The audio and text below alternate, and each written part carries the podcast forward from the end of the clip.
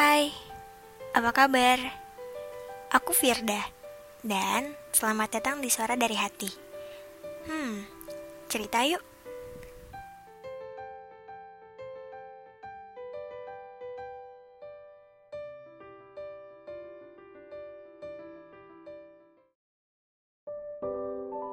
Buat kalian yang lagi dengar suara ini dan yang mungkin kalian dengarnya di saat-saat kalian ingin tidur, yuk kita bareng-bareng. Reminder ke diri kita sendiri dan juga apresiasi.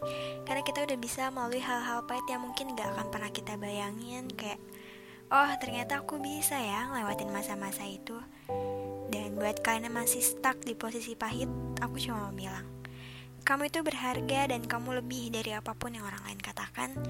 Dan stop nyakitin diri kalian sendiri, stop untuk berpikir kalau kalian itu jelek, kurang, apalagi nggak pantas untuk siapa pun.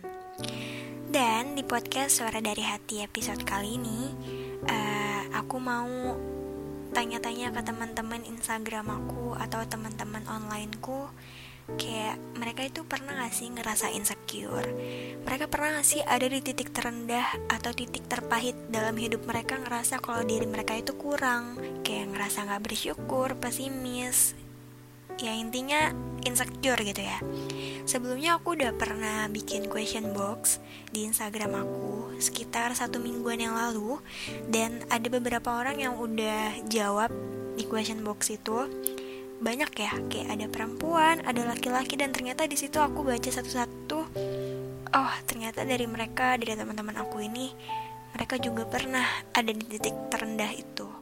Aku pikir tuh cuma perempuan loh yang suka ngerasa aduh aku jelek aduh aku kurang aduh aku pengen kayak gini aduh aku pengen kayak gitu. Ternyata cowok juga pernah dan aku juga baru tahu gitu. Dan di sini aku mau telepon kedua teman aku at least dia itu perempuan dan yang satunya lagi uh, lelaki. Biar kita juga bisa ngebedain oh ini loh insecure-nya perempuan tuh biasanya karena ini dan insecure-nya laki-laki tuh karena ini gitu. Dan penelpon aku yang pertama ini adalah sosok perempuan yang menurut aku cantik ya. Dan dia juga rajin ambis itulah kalau ngerjain tugas. Dia salah satu teman kelas aku di semester sekarang ini dan termasuk sahabat aku juga sih. Namanya Ocha kita telepon sekarang aja yuk biar kita dengar cerita dari dia.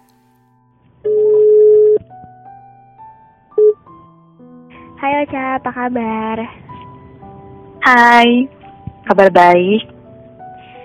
Makasih ya kamu udah mau aku telepon malam-malam buat buat wawancara kayak gini. Iya, nggak apa-apa. Oke, menurut question box yang udah kamu isi di Instagram aku, katanya kamu pernah ya ngerasa insecure?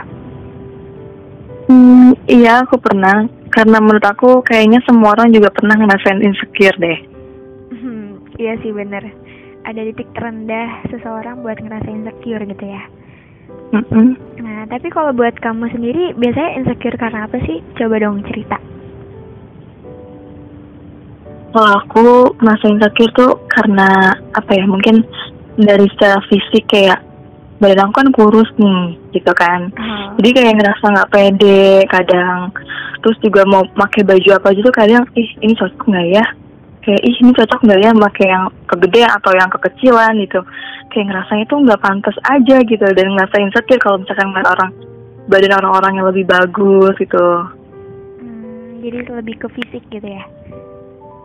Ada ada juga sih yang selain fisik juga kayak mungkin kayak ngelihat orang kok dia udah ada di titik ini ya? Kayak misalkan bukan bukan kesukses bukan kesuksesan ya tapi kayak pencapaiannya dia kok udah udah sampai sini ya kok aku masih di sini sini aja gitu. Mungkin insecure dari sisi itu juga. Kayak kapan ya aku bisa berubah kayak gitu? Bisa bisa menjadi yang lebih baik bisa menjadi yang kayak mereka gitu yang udah ada dari titik itu sekarang gitu. Mungkin sisi, sisi insecure juga dari sisi sana juga sih. Hmm begitu. Emang sih ya uh, insecure perempuan sama laki itu beda. Kalau cewek kan pasti yeah. lebih kayak ke fisik atau tadi titik seseorang yang lebih tinggi di, uh, di atas kamu gitu ya. Iya benar. Nah kalau kamu lagi ngerasa insecure kayak gitu tuh, solusinya biasanya kamu lakuin apa sih? Hmm, banyak sih yang aku lakuin salah, salah satunya juga pertama kita harus kayak bisa menerima diri sendiri itu sih yang aku selalu ingat oh iya kan ini kan hidup aku gitu. Maksudnya yang semua orang pasti juga berbeda-beda kan. Kayak bentuk fisik terus juga pencapaian seseorang itu kan beda-beda. Dan ketika aku ngerasa ada di titik itu di titik insecure aku kayak balik lagi untuk mengingat lagi oh berarti gue harus harus harus harus menerima diri sendiri dulu gitu. Biar nantinya nggak insecure juga memaafkan diri sendiri juga tentunya. Dan apa ya itulah kedua itu yang yang harus aku selalu ingat gitu biar aku nggak nggak nggak terjerumus ke dalam merasa selalu insecure kayak Hmm, gitu Intinya bersyukur sih gitu ya. iya benar bersyukur Iya, padahal kamu porsi tubuhnya tinggi loh. Aku aja pengen kayak kamu. Harusnya tidak usah insecure. Eh, udah, kalau gitu makasih ya Ca, udah mau sharing-sharing sama kita di podcast ini. Mohon maaf banget nih udah ganggu waktunya. iya nggak apa-apa makasih juga udah sharing sharing Oke, kalau gitu dadah. dadah Oke, itu dia cerita dari teman aku, yaitu Ocha. Ternyata dia itu pernah juga insecure yang walaupun dari fisik dia itu lumayan cantik dan dia juga pinter loh. Kayak kok bisa ya orang yang udah menurut aku itu sempurna tapi ternyata masih ngerasa kurang gitu. Ya namanya juga manusia, kayak aku juga sering sih ngerasa insecure, gak bersyukur. Aduh aku pengen nih kayak orang lain kayak tadi tuh. Aku pengen loh jadi Ocha yang badannya tinggi, dia juga pintar rajin, dan ternyata di Ochanya juga malah pengen ngerasa kurang juga gitu ya. Ya begitulah manusia, gak pernah ngerasa puas gitu ya. Intinya sih kalau misalnya kita lagi ngerasa insecure, kita berdoa, kita sholat sama Allah, minta maaf kayak, aduh maaf ya Allah, aku udah gak bersyukur, aku gak ngehargain apa yang udah engkau kasih ke aku gitu. Kalau aku sih biasanya kayak gitu ya teman-teman. Kalau kalian gimana? Oke, penelpon yang kedua ini adalah teman onlineku juga. Dia juga udah ngisi question box di Instagram aku. Dan dia ini lelaki. Jadi, yuk kita dengar cerita dari dia. Dia tuh biasanya insecure karena apa? Biar kita tahu dan kita bisa belajar dari pengalaman dia. Yuk.